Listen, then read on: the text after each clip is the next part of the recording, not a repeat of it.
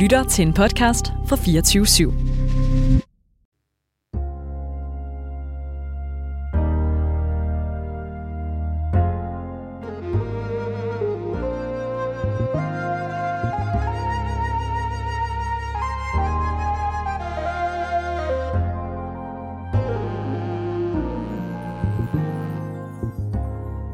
Velkommen til Den Brogede Vej. Mit navn det er Gunnar Tarp Barkholdt, og det du lytter til, det er programmet, hvor vi vender karrierevejen på hovedet. Hver uge der kommer der en gæst herind forbi studiet og deler lidt af sin historie med mig. Det handler om opture, om nedture, om valg og fravalg, og alt det, der skaber en broget vej her i livet.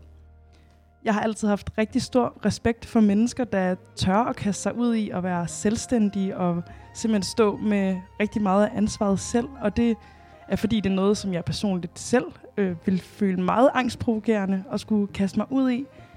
Øh, med min gæst i dag har flere iværksætterprojekter og øh, selvstændige virksomheder i bagagen. Så det glæder jeg mig til at høre rigtig meget mere om, og også høre om øh, hendes brode vej til der, hvor øh, hun er i dag. Og min gæst i dag, det er Nadja Holm Nielsen. Velkommen til, Nadja. Tak skal du have. Ja, og jeg, ja, som sagt, jeg er mega nysgerrig på, også fordi at dit fag er for mig at se lidt, lidt nichet, så jeg glæder mig til at komme ind og høre, hvordan at du er kommet i gang med det her med dufte, og hvor delen det kommer fra. Men før vi når dertil, så øh, spørger jeg altid mine gæster om, hvad de drømte om at være, da de var børn. Og det er også fordi, jeg synes, det er så sjovt at høre, hvor at de første tanker om et arbejdsmarked, de starter henne. Så Nadia, hvad, hvad drømte du om at være, da, da du var barn? Ej, virkelig, virkelig godt spørgsmål.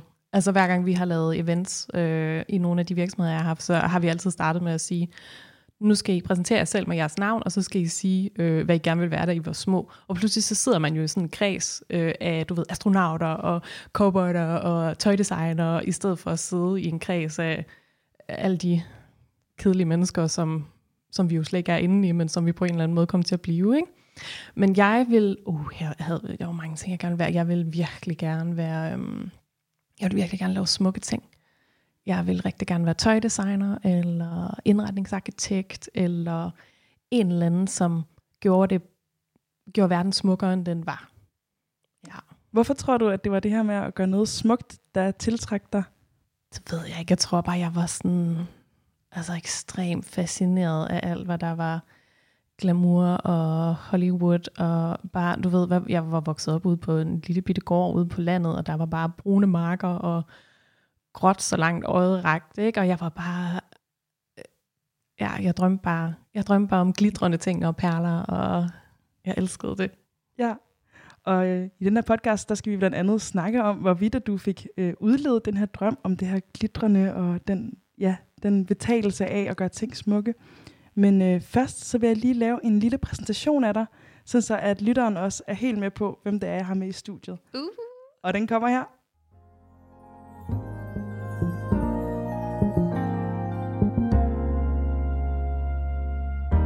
Nadja Holm Nielsen er projektleder og medstifter af Damernes Eventyrklub, der udbyder kurser, fællesskaber og oplevelsesture til kvinder. Og så Nadja også kvinden bag brandet Nadja Lakai Dufte, der består af biodynamiske, økologiske og håndlavede skønhedsprodukter. Uddannelsesvejen for Nadja er gået gennem Københavns Universitet, hvorfra hun er kendt med i filosofi. Efter sin uddannelse tog hun til Bolivias Andesbjerge, hvor hun blandt andet arbejdede tæt sammen med traditionelle behandlere. Nadja kan også skrive festivalarrangør på CV'et, da hun også er med til at skabe Eventyrfestivalen, der blandt andet byder på meditationer, dans, naturterapi og meget andet. Desuden har Nadia også en podcast, hvor hun sammen med sin makker Roxy forsøger at genfinde hverdagsmagien i de små og store ting på deres egne præmisser. Nadia Holm Nielsen er født i 1989 og er opvokset i Østervrå i Nordjylland.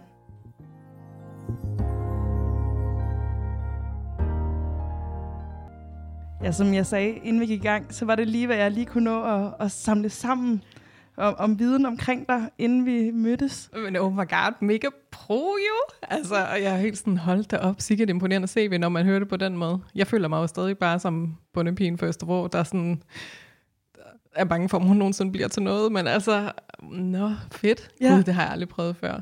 Hurra. Det burde alle få lov til lige at få læst sit liv op på den måde. Og jeg vil egentlig gerne tilbage til Østerbro og, og til din barndom og din ungdom der. Hvordan, øh, hvordan var din opvækst der? Åh, jamen, øhm, den var stille og rolig, som vi vil sige, oppe i Østerbro. Ikke også? Jeg voksede op på en, en lille gård, og kedede mig ret meget i skolen. Øh, var sådan en lille korkprop, der flød ovenpå, uden at skulle gøre mig umage. Øhm, ja, Altså havde du let ved at gå i skole? jeg havde, jeg, altså jeg havde svært ved at gå i skole, fordi jeg følte mig understimuleret, ikke? Men, men jeg havde let ved det forstået på den måde, at, at det ikke var en udfordring. Øhm, og sådan ret, ret tidligt husker jeg, at, at lærerne i visse tilfælde sådan, brugte mig lidt som sådan en ekstra, ekstra lærer, ikke? Jeg blev øh, hurtig, meget hurtigere færdig end de andre, og så var de altid sådan, Åh, vi kan ikke lige finde på at give dig noget at lave, men kan du gå over og hjælpe, øh, hjælpe de andre? Ja. Kan du huske, hvordan du havde det med den rolle? Var det, var det fedt at være den, der skulle hjælpe? Altså, um, jeg tror i hvert fald, at det faldt mig ret naturligt. Øh, og ellers havde jeg jo nok heller ikke, ellers var det nok ikke blevet sådan en fast ting, vi gjorde. Øhm, men, men ja, jeg, jeg synes, det var fedt. Og det der med at kunne få lov til at sådan have overblik over, hvem, hvem havde brug for hjælp, hvem havde brug for at blive løftet ekstra, hvem, hvordan kunne jeg forklare øh, pædagogisk, at jeg er en glad lille cowboy, ikke er det bedste altså sangvalg til en konfirmationssang, når man skal tænke på rumper og sådan noget. altså, øh, ja, jeg synes, det, var, det synes jeg var sjovt. Det var en fed udfordring. Ja. Lov til at hjælpe med på den måde.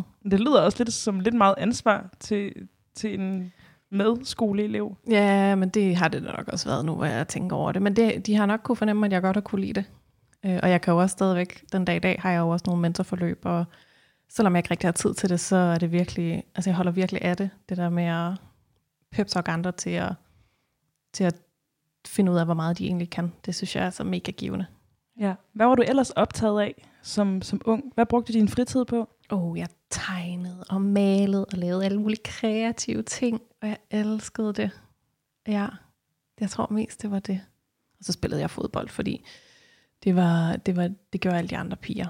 Um, og det var godt ikke sådan at være alt for meget udenfor. Så jeg spillede fodbold i otte år, og blev aldrig rigtig god til det, og havde det hele vejen igennem. Men, øh, men øh, jeg elskede at male og tegne.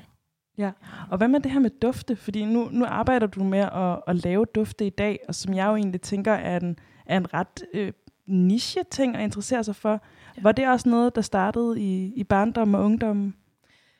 Ja, det var det, var det faktisk. Altså, jeg, jeg kan huske, jeg fik sådan, da jeg var meget ung, så fik jeg sådan en parfume-obsession. Men ikke, sådan, ikke, som, ikke som i, at jeg måtte eje alting, men som i, at jeg måtte, jeg måtte sådan forstå grundstruktur, grundstrukturen i, i dufte. Altså, i en ret tidlig alder, så, så øh, kunne jeg freak folk ud ved altid være sådan, når du har, du har den her parfume på, eller når du bruger den her shampoo. Og jeg havde sådan nærmest brug for, at de skulle bekræfte mig i det, fordi jeg havde brug for at vide, om det var rigtigt. Og folk var altid sådan, ja, hvor ved du det fra? Lille creep. Eller? Men det var bare, jeg synes, dufte var sådan et fantastisk, fascinerende univers for mig. Fordi jeg tror, jeg havde, jeg tror, jeg havde sindssygt nemt ved at forstå rigtig mange ting, men noget, som jeg synes var svært at kategorisere op i mit hoved og få styr på og, øh, og få overblik over, det var det der med dufte. Og hvad der, hvad der udgjorde en, en parfume eller en særlig sammensætning i en duft, i en, i en, i en shampoo, som jeg var vild med. Eller sådan. Det har bare, jeg har altid synes, at det var mega fascinerende. Men så alligevel sådan, efter folkeskolen, tager du så på gymnasiet? Eller hvad, hvad er næste skridt derefter? Ja, så tager jeg, så tager jeg på gymnasiet, og er jo, jeg var fra sådan en overgang, hvor jeg tror i Østervå, der var vi to, to årgange på min alder, ikke? Og jeg tror, vi var fire eller fem eller sådan et eller andet, som gik videre på en, på en videregående ungdomsuddannelse. Øhm, så det var, ikke sådan, det, var ikke, det var ikke det normale, og mine forældre var også sådan, vi troede, du skulle være frisør, og jeg var sådan, jamen jeg ved, jeg ved jo ingenting, så altså, kan jeg bare få lov til at prøve og komme lidt væk hjemmefra, og, og så tog jeg på gymnasiet, og, øhm, og det var lidt sådan en gentagende historie i virkeligheden. Altså, jeg synes, det var nemt fagligt, men jeg synes bare, altså, de der folk, der bare tænker tilbage og siger, wow, gymnasiet, du er bare, det bare det golden age, ikke også? Jeg elsker det bare, vi fest, og jeg var bare, jeg havde, altså jeg havde den tid, jeg synes, det var frygteligt. Jeg tror, jeg var vinterdeprimeret i tre år i træk, og sådan, og jeg synes, det var så hårdt. Hvad var det, der var hårdt ved det? Jeg tror lige, vi ramte, min overgang ramte øhm, den helt nye reform, hvor at vi var sådan prøvekaniner, og hvor det meste blev rullet tilbage igen øh, året efter. Der var 25 procent eller sådan noget på min årgang, der dumpede, øh, fordi det var for højt et niveau. De prøvede at gøre os klar til universitetet i lidt for tidlig alder og sådan noget. Det var noget, det var noget værd noget. Det var, bare, det var bare hårdt. Der var bare mange lektier, og der var meget pres, og jeg hader pres, og jeg hader lektier, og jeg havde, fordi jeg er altid sådan en, der laver ting last minute, fordi at jeg jo har haft nemt ved det, ikke? Og det der med, at der lige pludselig blev forventet lidt mere, ej, der var mange nætter, jeg var op, det var så trælst. Ja, det var slet ikke noget for mig. Nej, kan du huske, hvilke tanker du sådan gjorde dig om videre uddannelse? Så du tænker nu også, når du er i en uddannelse, og det måske ikke er så fedt. Hvilke, hvilke tanker gjorde du dig om uddannelse senere hen? Altså sådan om fremtiden? Men jeg tror, jeg tror, altså dybest set tror jeg bare altid, at jeg har været mega forvirret. Altså sådan grund, dybt forvirret på sådan eksistentiel plan. Øhm, fordi jeg jo havde været så fascineret af, af de der kreative fag, men samtidig var vokset op i et miljø, og øh, også en familiebaggrund. Nej, jeg tror, altså mine forældre tror jeg ville have støttet hvad som helst, men sådan, den større omkringliggende familie havde mange meninger omkring, at sådan noget kan sådan nogen som os ikke. Altså det er ikke muligt, og den eneste vej til at få et godt liv, det er at tage et hårdt, ærligt arbejde, ikke også? Og, og jeg ligesom, både min far og min mor har arbejdet i øh, industrien, altså fabriksarbejdere, øhm, og og jeg har været sådan, okay, men hvis det er det hårde ærlige arbejde, så, synes, altså, så må jeg i hvert fald i det mindste kunne bruge mit gode hoved til noget. Ikke? Så, må jeg, så, må jeg, så må jeg læse en masse bøger, også selvom jeg måske ikke, jo jeg synes det er fedt, men jeg ved ikke, men det må kunne lede mig et eller andet sted hen. Ikke? Det var ligesom tesen, jeg havde, fordi det var, det var den eneste vej, der var. Jeg havde virkelig sådan nogle skyklapper på, for hvad der kunne lade sig gøre her i, her i livet. Øhm, så da jeg var færdig med gymnasiet, og stadigvæk ikke havde fundet et alternativ til, altså arbejde på fabrik, eller blive frisør, eller, eller hvad end min lille verden kunne forestille sig. Så tænkte jeg, så må jeg jo videre, altså så må jeg jo så må jeg kunne tage, så må jeg kunne tage en universitetsuddannelse, ikke? det må jeg kunne klare. Og så, så giver det nok sig selv. Og det er sådan, nu er jeg 33 snart, ikke? og jeg venter stadig på, at det hele giver sig selv. Og jeg er ikke sikker på, at det nogensinde kommer til det, men, men, øh, men det har været min tese hele vejen igennem i hvert fald. Jeg håber på et eller andet tidspunkt, så, så giver det vel sig selv. Så må jeg bare blive ved med at prøve ting af. Hvordan reagerede din, din omgivelser, måske din, din nære familie, og måske også den, den større familie på, at du gerne ville på universitetet, og så måske også endda jeg også læse filosofi, der umiddelbart lyder til at kunne ligge langt fra det, du kommer fra? Og så i København? Ej, men altså. Øh, jamen, altså, lidt blandet. Man kan jo ikke sige, at alle reagerede på samme måde. Det gjorde de overhovedet ikke. Øh, men jeg tror, jeg tror at det har været svært for nogen at forstå. Øh, især det der med valg af fag hvad kan man bruge det til? Hvad lærer du så at tænke godt? Øh, og jeg var sådan, ja, det er vel, altså, det er vel øh, noget af en eftertragtet vare efterhånden. Altså, folk, der kan tænke godt, det kan man vel bruge til noget. Og så håber det giver sig selv hen ad vejen, ikke også? Øhm, ja, så der var, altså, ikke, ikke bifald, vil jeg sige. Det, det, har, det har jeg nok ikke høstet for det valg. Nej. Men hvordan var dit møde med filosofistudiet så? Altså jeg tænker, at der blev du, blev du stimuleret, da du kom derhen? Ej, men det var frygteligt. Det var mødet Nej. med, ej, det var mødet med, det var bare mødet med min egen sådan, øh, jeg husker, jeg, jeg, jeg husker så tydeligt første dag, hvor jeg bare kommer ind i det her lokale og skal danne. Det var, det var, det var ikke på Københavns Universitet. Jeg boede i København, men det var på Roskilde Universitet, hvor vi jo laver super meget gruppearbejde øh, og skulle danne en gruppe for første gang, og jeg kan bare huske at sidde med følelsen af, at simpelthen ikke forstå, hvad de her mennesker siger. Og det var ikke på grund af dialekt eller noget, vel? det var bare, det var ordene, der kom ud af deres mund, de kom fra en anden dannet baggrund, og jeg var sådan, altså jeg følte mig så lost, virkelig sådan, og så tænkte jeg, det er fint nok, det kan jeg vel godt bare hurtigt lære, ikke? Og så, og så jeg klarer mig i det mindste godt sådan med teorien, tænker jeg. Og så husker jeg bare så tydeligt øh, at sidde i den der samme gruppe en måned senere, og lave gruppearbejde, og så er der en, der siger, hov, der er tækket mail ind på, øh, vi har fået eksamensvejen, det var vores allerførste eksamen, ikke? Og jeg synes, jeg havde klaret det fint nok. Det var jeg sådan, det skal nok gå. Jeg havde lavet en aften før og sådan noget. Det, som det plejer, alt var godt. Øh, og så mit internet var lidt langsomt. Så alle de andre nåede ligesom at åbne deres og sige, ej, jeg har også bestået. Ej, hvor dejligt. om det var også nemt. Og så kommer min. Og så står der bare, at jeg dumpet. Og så kan jeg bare huske, altså følelsen af, at sådan smække computeren i, og de andre kigger på mig og siger, bestod du også? Og jeg siger, ja, fordi jeg bare ikke vil tabe ansigt vel, og så kan jeg bare mærke sådan en klump i maven, og tankerne, der bare flyver ind i mit hoved, ikke? Omkring, hvor var du også naiv, og hvad fanden troede du også, så du kommer fra noget helt andet, og sådan nogen som dig kan jo ikke, altså, det er jo, du hører slet ikke til her, vel? Og så kan jeg bare huske mig selv sådan, undskyld mig og jeg skal, jeg skal lige på toilettet, og så stå og kigge ind i spejlet og bare tænke alle de der frygtelige ting om, at jeg slet ikke er god nok, og bare altså holde tårerne tilbage, ikke? fordi jeg var sådan, de skal ikke se det, de skal ikke se det. Og så gå ud tilbage, lave det der gruppearbejde færdigt, pakke min lille computer sammen, stadig med sådan helt knude i maven, ikke? gå hele vejen fra 3 kroner station ned, eller fra øh, universitetet ned til stationen, der er langt, den lang gåtur. Køre hele vejen hjem til Østerbro, eller ikke til Østerbro, til København. Cykle hele vejen fra hovedbanen og hjem til min lejlighed, luk døren, og så bare græde, græde, græde. Ikke? Altså, jeg, altså, jeg var sådan knus, fordi jeg var sådan, hvad så, hvis det så ikke var det? Så er der jo kun det tilbage, som jeg kommer fra. Og det er der jo ikke noget galt med, men jeg følte bare slet ikke, at jeg hørte hjemme der overhovedet. Så der stod jeg virkelig sådan mellem, jamen nu hører jeg jo slet ikke hjemme nogen steder. Hvad skal der, sådan, hvad skal der nogensinde blive af mig, ikke også? Hvordan kommer du videre fra det, når, da, når du har den her oplevelse, som jeg egentlig tænker måske også rykker lidt ved din egen selvopfattelse? Hvordan, hvordan kommer du videre herfra? Den, ry- altså, den rykker jo helt klart ved selvopfattelsen af, at jeg troede måske, at jeg var et lille, øh, særligt udvalgt geni, og det finder jeg jo så ud af, at det var jeg overhovedet ikke. Øh, og det er jo øh, altså, noget af, noget af en, en, en øh, aha-oplevelse i sig selv, men, øh, men, men det var skide vigtigt, fordi det jeg indså, det var, at, øh, at jeg på mange måder har haft det sindssygt nemt hele mit liv, og at hvis der er noget, der virkelig betyder noget for mig, så skal jeg sgu også lægge nogle kræfter i.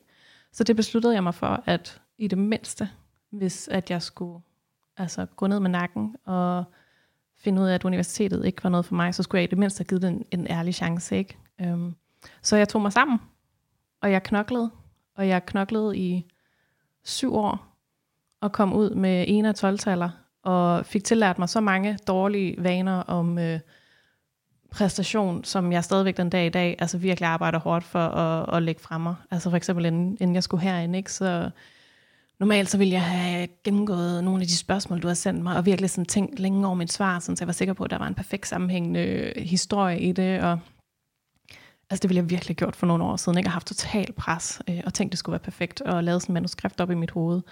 Og nu er jeg bare sådan, åh, det bliver hyggeligt. Gunvar virker så sød. Nej, hun har sendt nogle spørgsmål. Jeg ved ikke, om jeg kigger på dem. Det kan godt være, jeg gør. Måske lige lidt, men jeg tænker ikke mere over det. Øhm, ja.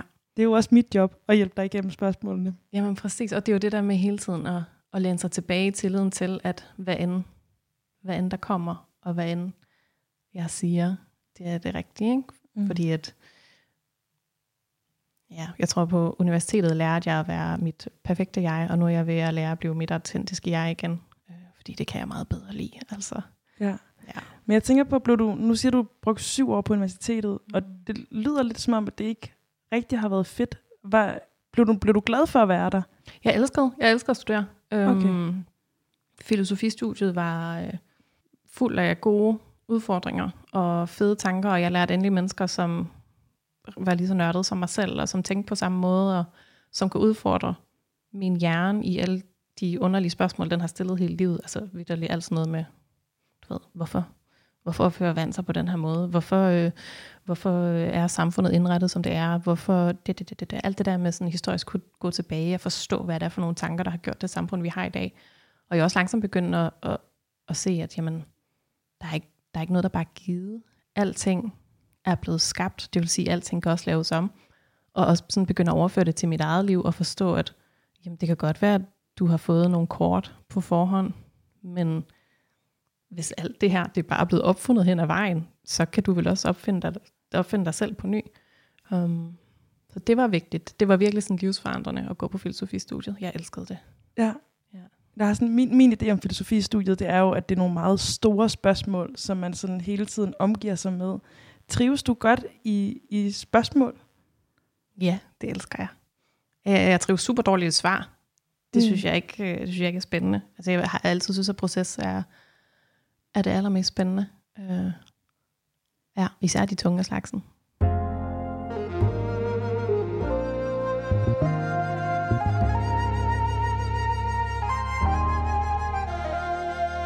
Du lytter til Den Brogede Vej, en podcast produceret af Ungdomsbyrået for Loud.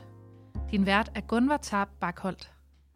Og det var dejligt, at Sissel lige kunne øh, præsentere mig, for vi sidder her med Den Brogede Vej, og jeg har besøg af Nadja Holm Nielsen. Og Nadja, en af de ting, jeg har bedt dig om som du nok har læst, det er, øhm, at jeg gerne vil bede dig om at tage en genstand med. Yeah. Og hvad har du taget med til mig? Øhm, nu, nu lyder det som om, at jeg har glemt at forberede mig, ikke også? Men det har jeg ikke. Det, jeg har virkelig overvejet det. Men jeg har taget min telefon med. Ja, Fordi på min telefon, der bor en lille magisk app, som hedder Instagram. Og øh, øh, da jeg skulle tænke over en ting, så blev jeg ved med at vende tilbage til Instagram, som det allermest magiske, jeg nogensinde har prøvet, og som har forandret mit liv, og tænkte, det er åndssvagt. Du har læst filosofi. Du skal da ikke sige, at Instagram er, øh, er øh, den ting, du har valgt. Men det er det. Det er altså Instagram. Det har muliggjort, at, øh, at, øh, at jeg kan leve af, af det, jeg elsker, og det har øh, været en platform, hvor jeg har kunnet øve mig i at sælge fra et autentisk sted, og være mig selv, og, og møde nye mennesker, og jeg er virkelig, altså, hold da op, teknik er fedt. Især Instagram. Wow ja og det er dejligt at høre, fordi jeg synes, jeg er ikke øh, sådan, hvad kan man sige, professionel på Instagram, så for mig er det lidt sådan en tidssluger, men det er dejligt at høre, at det også kan noget. Kan du sige lidt om, hvor, hvornår startede din, nu bruger jeg det fantastiske ord, rejse på Instagram? Det kan jeg sagtens sige. Jeg kan nærmest sætte en dato på. Øhm, det var i 2018, hvor at, øhm, jeg efter, efter at være blevet færdig med det der famøse øh, filosofistudie, øh, kom ud og havde endnu et voksenjob. Øh, og gik sådan lidt ned med stress på det. Klassisk kedelig historie. Altså, det er jo nærmest ikke engang unikt længere, vel?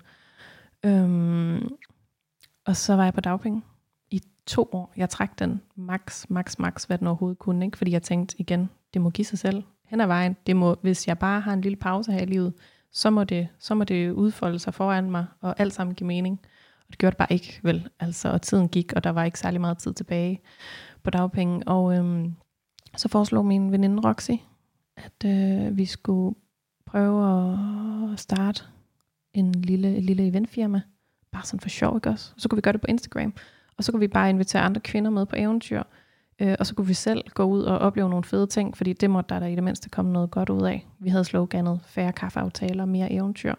Øh, og under det slogan, så startede vi en Instagram-profil. Øh, og jeg kan huske, første gang jeg skulle lave en story og skulle præsentere mig selv. Altså, det bare fucket helt op for mig, ikke også? Fordi jeg kunne slet ikke finde ud af den der platform overhovedet. Og jeg har aldrig haft Instagram. Jeg havde installeret det samme dag. Øh, og jeg kom til at sende noget ud på internettet, som ikke var perfekt, vel? Altså, det var slet ikke med vilje, det var som om, og jeg kunne ikke finde ud af slet, og jeg græd, og jeg græd, og jeg græd, og det var frygteligt. Og jeg tænkte, jeg, altså det her, det her, det er da slet ikke noget for sådan en bog om som mig. Altså, det kommer aldrig til at blive sådan noget. Og, øhm, og så blev jeg ved alligevel, og vi lavede flere stories, og vi inviterede til events, og øhm, pludselig var der folk, der vidste, hvem vi var, og pludselig havde vi 50 følgere, og så havde vi 150, og så havde vi 500, nu har vi 5.000.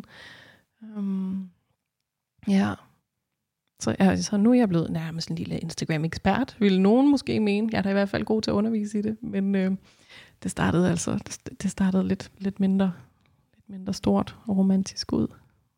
Hvordan bruger du Instagram i dag? Hvordan er den en del af din hverdag? Jamen nu øhm, bruger jeg den som en primær salgskanal.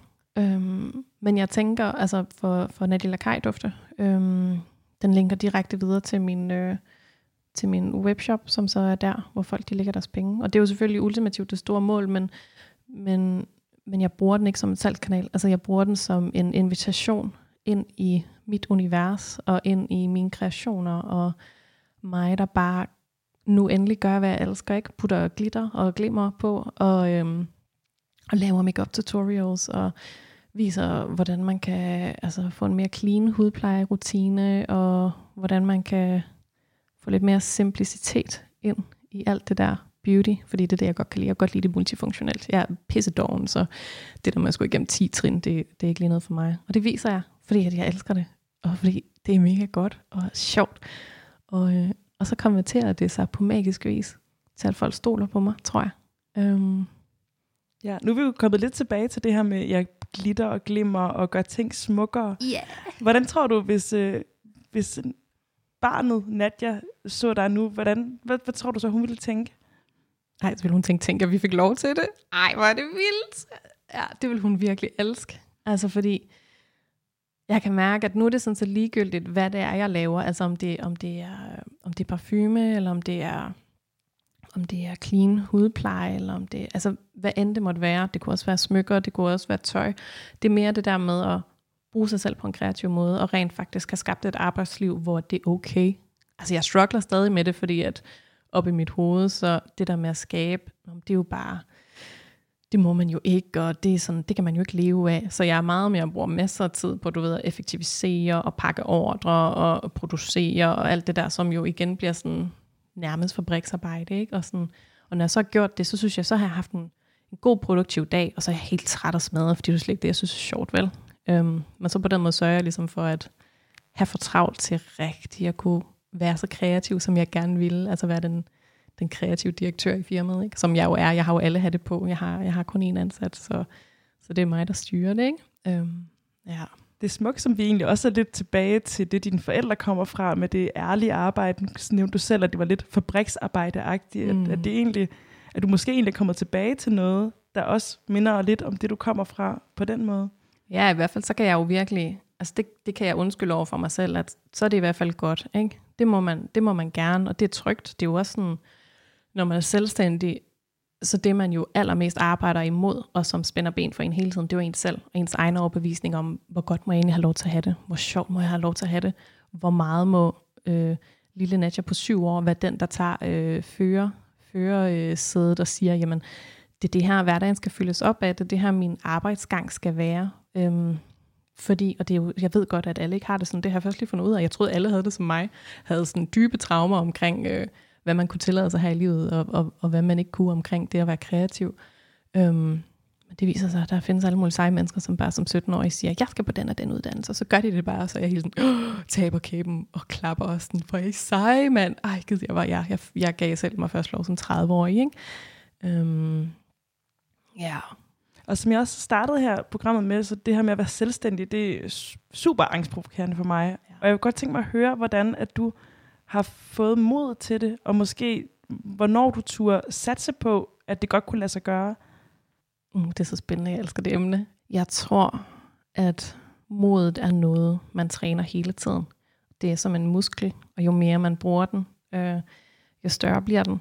Øh, jeg er stadig pissebange altså jeg er stadig sådan, kommer det nogensinde til at gå? Øh, alt er jo afhængig af mig, og må man godt have lov til at ansætte folk? Må man godt have lov til... Altså der er alle mulige sådan nogle, ej, må man godt have lov til, som, som fylder, som især fylder hos kvinder. Øhm, kunne man tro, det var en fordom, men det er det ikke, fordi jeg har arbejdet med, sammen med så mange, som, øh, som virkelig har det der imposter syndrome nærmest, ikke? Uh, har sådan en følelse af, at det ikke er god nok, og ikke må have lov til at træde ud på scenen med noget som helst, fordi man ikke tror, det er godt nok. Øhm, og jeg tror aldrig, der var sådan en breaking point, øh, hvor at jeg gav mig selv tillid, fordi man kommer til at tænke på det i sådan sort og hvid. Altså, øh, hvis man skal være selvstændig, så skal man gå all in, ikke? Så skal du tage lån i huset sige dit job op i morgen, og så er det bare, så er det bare all or nothing. Og det er jo aldrig sådan der, nærmest. Altså, det er museskridt på museskridt på museskridt. Det er små, modige handlinger, en gang om dagen, måske kun en gang om ugen, måske kun en gang om måneden, der gør, at man næste år står et andet sted, end der, hvor man er. Øhm, det har i hvert fald været min rejse, det der med at du ved, have noget andet stabilt, trygt ved siden af, sådan så at, at den lille drøm ikke kommer totalt under pres, fordi man skal kunne leve af den fra day one. Det, det tror jeg ikke på er særlig bæredygtigt. Og, og jeg tror i virkeligheden slet ikke, at at vi mennesker kan holde til det, fordi der er så meget inde i vores system, der skal udvides, når, når vi tør stå frem på, på scenen. Bare det at fortælle, at jeg har lavet noget, og man må godt have lov til at købe det. Det er jo at bede om folks penge. Ikke? Det er at bede om folks penge for noget, jeg har lavet. Og de fleste af os har sådan en, en indre kæmpe, kæmpe modstand på overhovedet at gøre det. Der er så mange især kvinder, der ikke kan lide at sælge. Øhm, så hvis vi kunne gøre det all or nothing fra, fra i morgen, så vil vores system slet ikke have fulgt med. Altså så vil vi bare ligge i sengen og hyperventilere, tror jeg. Eller det har jeg gjort flere gange. Men, øh, men øh, det, det tror jeg virkelig vil være de flestes øh, reaktion på det. Så det er, ikke, det er ikke sådan, så at man lige pludselig en dag er modig nok til bare at gå all in. Det er sådan, så at man i dag eller i morgen er modig nok til at ture. Øh, jamen for mig, altså var det jo, at, at jeg lige så snart jeg blev teenager, så lagde jeg alt kreativt væk, ikke? fordi at jeg tænkte, jamen det, det, det, det, har jeg, det må man ikke, det kan man ikke, det kan jeg ikke leve af, og så kan jeg lige så godt helt lade være. Ikke? Øhm, det er virkelig sådan en dybliggende ting. Øh, så for mig var det første vigtige skridt, det var at, at give mig selv lov til, at øh, alle de der øh, urteblandinger, som jeg læste om, fordi læste må man gerne, det har jeg lært, det, det er jeg god til det, filosofi, det er fint, mere teori, jeg kan godt lige lære alt om urter her i teorien, øh, men det der med at gå ud med mine egne hænder og få hænderne og neglene sorte af jord, ikke? Og, og, og lave det og få det, ja, ja, få det i hånden, ikke? jeg havde sindssygt stor modstand på, så for mig var det allerførste skridt hen imod at lave det, som jeg laver i dag. Det var jo at, at gå ud og samle de der urter og tørre dem. Og så var det det. Og så var jeg allerede meget længere, end jeg, øh, end jeg var dagen før. Ikke? Mm. Ja. Lå det i kortene, at du skulle være selvstændig? Altså jeg tænker på, om du om det at være selvstændig ligesom er en nødvendighed for, at du kunne få det, det du gerne ville have, om du egentlig hellere ville have lavet et kollektiv øh, med nogle andre, der også arbejdede med det samme som dig. Mm. Havde, du, havde du tænkt, at du skulle være selvstændig? Jeg har aldrig en million år tænkt. Altså jeg havde tænkt, det, altså, det er jo virkelig for sådan nogen, som har gjort et helt andet stof end mig. Altså vi snakker sådan, altså DNA-mæssigt må det være en anden type mennesker. Jeg tænkte virkelig sådan nogen som mig, vi kan slet ikke finde ud af det. Vi har ikke baggrunden. Det, altså, det er jo helt umuligt. Hvordan skulle jeg overhovedet starte? Hvad er første skridt? Jeg aner ingenting. Jeg ved ikke en skid. Men, og det er igen derfor, vi vender tilbage til, hvorfor Instagram er så magisk. Ikke? Fordi det jeg jo bare gjorde, bare, det krævede masser af mod, men det jeg gjorde, det var, at jeg begyndte at dyrke det, som jeg elskede. Jeg begyndte at lave parfumer, kun for min egen skyld. Og så begyndte jeg at lægge det op på Instagram og snakke lidt om, Nå, jamen altså, by the way, så altså, har jeg lavet den her, og den har en bund af sidertræ. Og hvis I ikke ved, hvad sidertræ er, så lad mig fortælle om, hvor magisk det er, og hvilke noter og nuancer der er i det, og hvad det gør ved vores psyke, og mm, mm, mm, mm, mm. Og pludselig er folk sådan, Nå, det lyder lækkert, kan man købe noget med sidertræ? Og så er jeg sådan, hold da op, det kan du godt nok ikke, så må du gå et andet sted hen. Og på et tidspunkt, når nok mennesker har spurgt, hold da op, kan man købe noget af det, du laver? Så er man jo, så er man jo skarn, hvis man siger, hvis man bliver ved med at sige nej. Som dag sagde jeg ja, og så eksploderede det derfra. Så det har aldrig rigtig føltes som et valg. Det er bare noget, der sådan er sket hen ad vejen. Og så har min psyke og min krop og min bankkonto og mine øh, systematiske systemer og alt muligt har så ligesom måtte følge med hen ad vejen og tilpasse sig. Og det har så været min opgave som, som direktør i mit eget lille firma, ikke? det er at kunne følge med. Mm. Øhm, ja. Hvad, hvad er de største udfordringer i dit arbejde nu? Lige nu, der er de største udfordringer mig selv. Det er det altid. Men lige nu handler det meget om øhm, modstand på vokseværk, og på hvor stor man må blive. Fordi øh, bare det, at jeg har fået min første ansatte nu her, altså wow, det var en proces i sig selv, som virkelig var vild. Øh, og nu er jeg så lykkelig, og hun er så dygtig, og alt er lykkeligt, virkelig lykkeligt. Øhm, men jeg står også og skal flytte over i et større lokale, øh, som vi lige snakkede om, øh, inden vi gik i gang. Øhm, og det i sig selv, det der med at skulle afsætte penge til en større husleje, og skulle stole på, at hele øh, fabriks og, og, og så, øh, altså det apparat, at det, at, at det er investering værd. Ikke? Fordi når jeg bare ligger mit lille hoved på puden om aftenen, så falder jeg jo tilbage til tanken om, at jamen, der, er jo, der er jo kun mig. Altså det er jo, der, wow, ikke også? Altså hvis, hvis jeg ikke kan stå op i morgen, eller hvad så? Går jeg så for lidt, eller hvad, hvad skal der nogensinde ske? Og hvad nu, hvis jeg en dag vågner og slet ikke har lyst til det her? Så står der et eller andet kæmpe apparatur og er i gang, og som bare kører, og hvad så? Øhm, og det er jo totalt latterligt, fordi at hvis jeg nu havde nok folk, øh, og en stor nok fabrik, og alt muligt, så kunne jeg jo bare tage en fridag i morgen. Det var jo ikke noget problem. Øhm, men det er helt klart det, der fylder mest for tiden. Det der med, må jeg, må, altså må man virkelig godt det? Må man godt have lov til at gå fra at være et lille beauty brand, der laver salver og rører cremer øh, ude i sit køkken, til at komme ud i mange flere butikker, og øh, det er totalt crazy. Ja. Hvem er det, du tænker, at du ikke må det her for? Hvad, når du siger, om man har lov til det, hvem er det, man skal have lov af? Jamen, det er jo det helt store spørgsmål. Altså, det, at det er jo ingen. Det, altså, det ved jeg jo godt. Men det er jo sådan en følelse af, jeg, jeg tror, det vi alle sammen er allermest bange for, det er at stå udenfor og blive forladt. Øhm, og at, at folk ikke kan forstå, hvad det er, vi gør. Eller at folk bliver bange for, at vi øh, bliver for meget, eller bliver for rige, eller og, og nu siger jeg folk, men det er jo, det er jo, der er jo ikke, altså jeg kan jo ikke pege fingeren hen på nogen andre end ind i mig. Ind i mig er jeg bange for, hvad nu hvis, at de andre ikke kan lide mig længere, fordi at jeg forandrer mig? Hvad nu hvis, at hvad nu hvis de har ret? Hvad nu hvis jeg forandrer mig? Ja, det gør jeg jo helt vildt, men mest til den gode side, synes jeg. Jeg synes bare, at jeg bliver bedre og bedre. Øhm, og sødere og sødere. Ej, jeg har altid været sød, men lidt mere sød kan det godt blive. Øhm, så det er, jo, det, er jo, og det, er jo, det er jo det spørgsmål, man skal stille sig selv. Ikke? Hvem, altså, hvem, er det, hvem er det, du peger på, når du peger alle de der fingre og siger mand, mand, mand, mand? Der findes ikke nogen. Det er måske også noget med at give sig selv lov. 100 procent. Ja. Altså 9 ud af 10 forretningsidéer hos kvinder bliver ikke til noget alene. Ikke, ikke fordi de ikke kan finde ud af regnskab, eller fordi at de glemte at indberette skat, eller fordi at øh, ideen fejlede, øh, og markedet ikke var stort nok i forhold til, hvad de havde beregnet, men simpelthen fordi, at de ikke tør at gå i gang, fordi de tænker, der er nok ikke plads. Det er nok allerede taget. Øhm, jeg kan nok ikke finde ud af det. Så ærgerligt. Ja. Jeg kommer lige til at tænke på, at nu har du den her dejlige lange uddannelse i filosofi. Mm. Hvordan føler du, at den kan spille ind i dit arbejde nu? Altså for det første, så er jeg jo blevet, det man virkelig bliver trænet i, det er at forstå, det er at forstå komplekse ting, øh, og, og, og sige det simpelt. Øh, hvis man først har udredt en øh, historisk tekst fra romeriet omkring det førkristne natursyn, hvis man først har kunne forstå det og formidle det på en måde, så alle kan, kan forstå det, selv et barn, ikke? Øhm, så tror jeg, at så tror jeg, at man er god til at sælge produkter. øhm, og, og, og, øh, og, og det, som jeg jo lever under for, det er at tage en industri, som er ekstremt kompliceret. Altså virkelig kompliceret. Lige med, eller lige alt fra, hvad de putter i flaskerne, til hvordan de forsøger at overbevise forbrugeren om, at, at øh, det er sådan noget helt højteknologisk kemi, og, og hvilket det jo er. Ikke? Um, så, så prøver jeg ligesom at gå den anden vej og sige, okay, men hvad nu hvis jeg vi skar alt det der skidt væk? Og hvad nu hvis jeg forklarede dig, at du ikke behøver at have en kæmpe rutine og bruge alle dine penge på de her ekstremt dyre trin. Øh, hvad nu hvis at det hele godt kunne være lidt mere simpelt?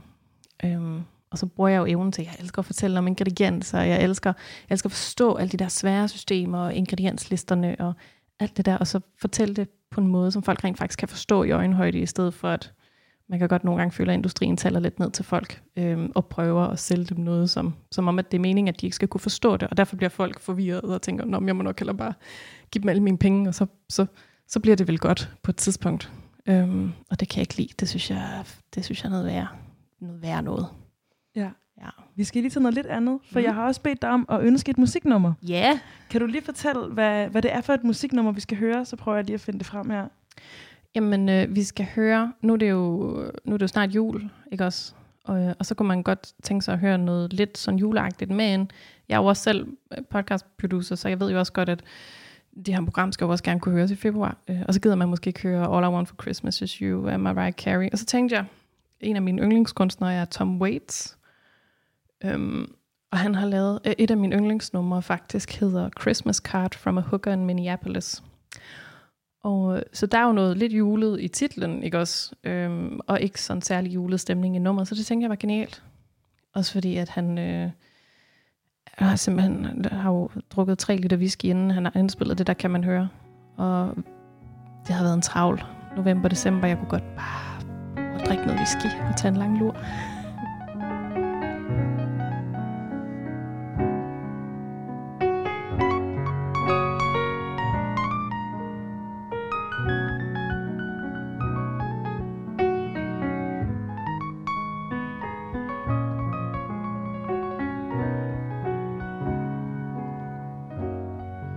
Charlie, I'm pregnant, living on 9th Street. Right above a dirty bookstore off Euclid Avenue. I stopped taking dope, I quit drinking whiskey. My old man plays the trombone works out at the track.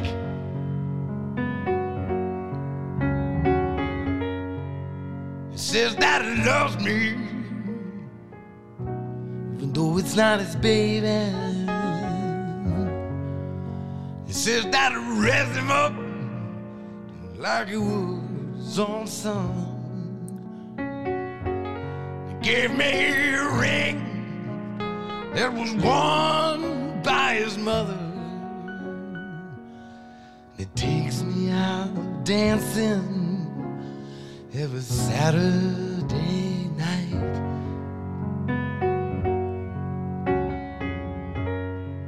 Hey, Charlie, I think about you every time I pass the filling station. I count all the grease you used in your hair. Have that record, Little Anthony and the Imperials. Someone stole my record player. Oh, now how do you like that?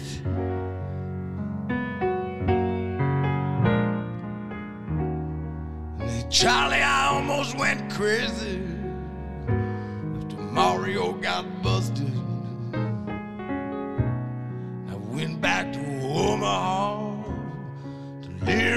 my folks. Everyone I used to know is either dead or in prison. So I came back to Minneapolis. This time I think I'm gonna stay. Charlie, I think I'm happy first time since my accident. I wish I had all the money we used to spend on dope. Buy me a used car lot, I wouldn't sell any of them.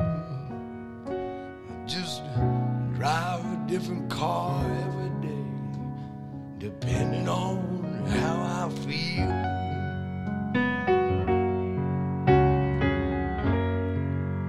Charlie, for Christ's sake, if you want to know the truth of it,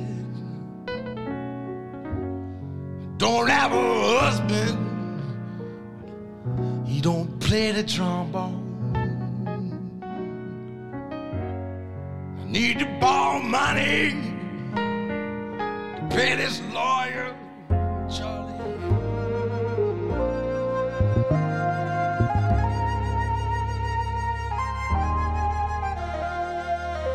lytter til Den Brogede Vej. En podcast produceret af Ungdomsbyrået for Loud. Din vært er Gunvar Tarp Bakholdt.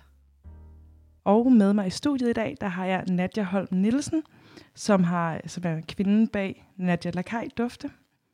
Og Nadja, vi har jo allerede været vidt omkring, og også her, mens musikken spillede, så fik jeg også hørt nogle flere historier om, at der er jo sindssygt meget at dykke ned i. Ja, det er der virkelig. Men det, jeg godt kunne tænke mig at høre nu, det er, hvornår du undervejs i din uddannelse og dit arbejdsliv har følt dig mest usikker. Oh, hvornår har jeg ikke følt mig usikker, ikke også? Det er det, der er spørgsmålet.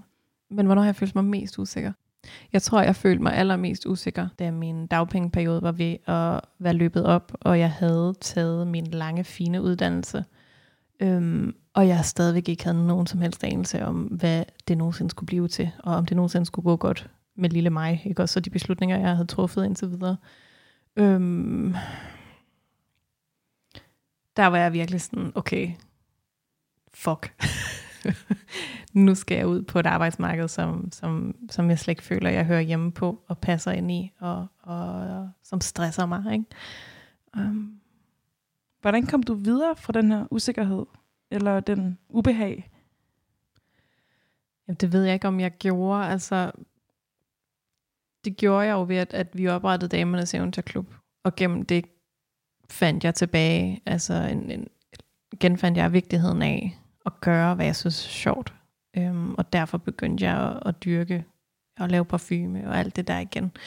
Øhm, og det distraherede mig jo en tid. Det var jo ikke, øh, det var jo ikke fordi, at jeg tjente store penge fra dag et. Øh, det var jo stadig sådan virkelig, virkelig sparet, jeg levede, og det, det, det gjorde jeg i flere år. Øhm, og gør det også på sin vis stadig, fordi alt bliver reinvesteret i, øh, i virksomheden.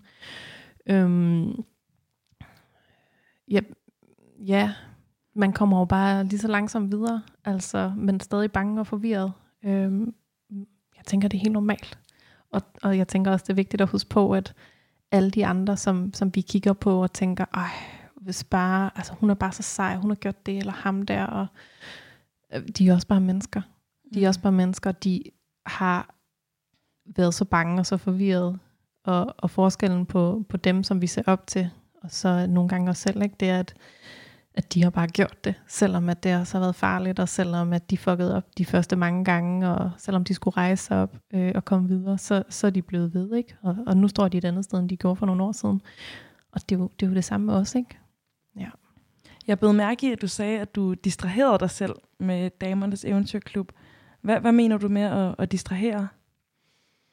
Mm, ikke som sådan dis, distrahere, men mere, øh, det var, det var pludselig, pludselig så gik alting fra at være meget alvorligt og meget joborienteret til, at, at vi virkelig havde fokus på at have det sjovt øh, og genfinde en eller anden glæde, som bare var fordampet i løbet af universitetstiden, der bare gik op i at være en 12 pige og, og præstere og komme ind på de rigtige jobs. Så jeg var projektkoordinator for flere store projekter, og jeg havde gjort alt det rigtige, men jeg, bare, jeg var slet ikke glad. Jeg var slet ikke glad. Øhm, så Damernes Eventyrklub føles som en, en glædelig øhm, øh, distrahering fra, fra alt det sørgelige og alt det pres, som jeg bare gerne ville væk fra.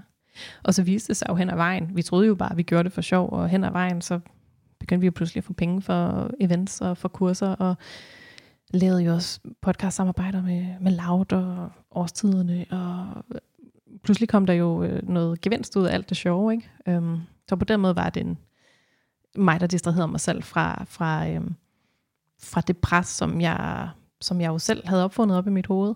Um, jeg tror også, da jeg var yngre, der havde jeg virkelig sådan en forestilling om, at at det ikke kunne være sjovt at arbejde. Og jeg tror, mm. at det er også både her, men nu man jeg også har fået lov til at lave nogle podcasts for Loud, og generelt gennem mit arbejde i ungdomsbyrået, hvor det sådan er gået op for mig, hov, altså sådan, det kan godt være sjovt at arbejde, det må det gerne være. Ja, har du det ikke sjovt? Jeg har det rigtig sjovt. Jamen det er det. Ja, og det, og det synes jeg også bare, at, at det skal man huske, at, at det må gerne være sjovt at arbejde.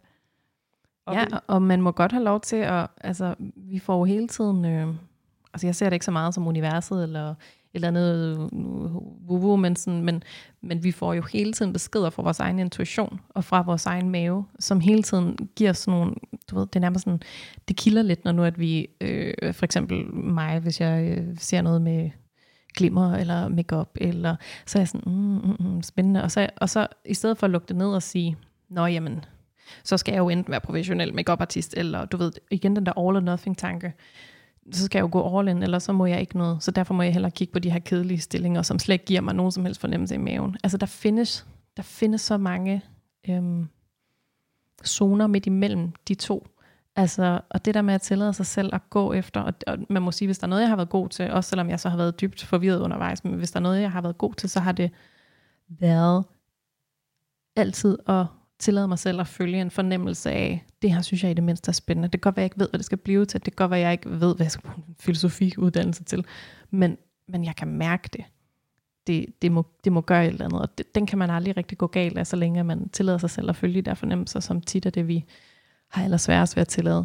Eller nu skal jeg ikke trække alle andre med ned. i. Så, som er det, jeg har allersværest ved at tillade. Øh, men som jeg er blevet dygtig til de seneste par år. Og der må man bare sige, når først man har nælet at bruge det som sådan en retningskompas i sit liv, så kan der med måske nogle vilde ting på meget, meget kort tid, når vi tillader os at gå med intuitionen og mavefornemmelsen.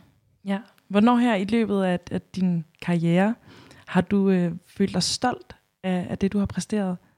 Uh, det har jeg gjort mange gange. Altså, jeg er jo altså, i virkeligheden et lille præstationsmonster. Det må jeg bare, øh, det må jeg bare indrømme. Jeg vil gerne være den dygtigste til alt, hvad jeg laver. Men jeg tror senest har jeg været virkelig, oh, okay, virkelig stolt. Det kan jeg mærke lige så snart, at jeg skal fortælle dig om det. Øhm, jeg har lavet en, øhm, det tog mig et halvt år, og jeg tror ikke, det kunne lade sig gøre. Men jeg har lavet Danmarks mest clean blush. Altså jeg har lavet mit første makeup produkt som blev lanceret i juli, og som, øh, som er så rent, at du næsten bogstaveligt talt kan spise det. Øhm, og det vidste jeg godt, at man kunne, men spørgsmålet var så, men ville den også, altså levere den på, på altså ligesom, du ved, hvis du køber, I don't know, Chanel eller Loyal eller whatever, virker den. Og det gør den.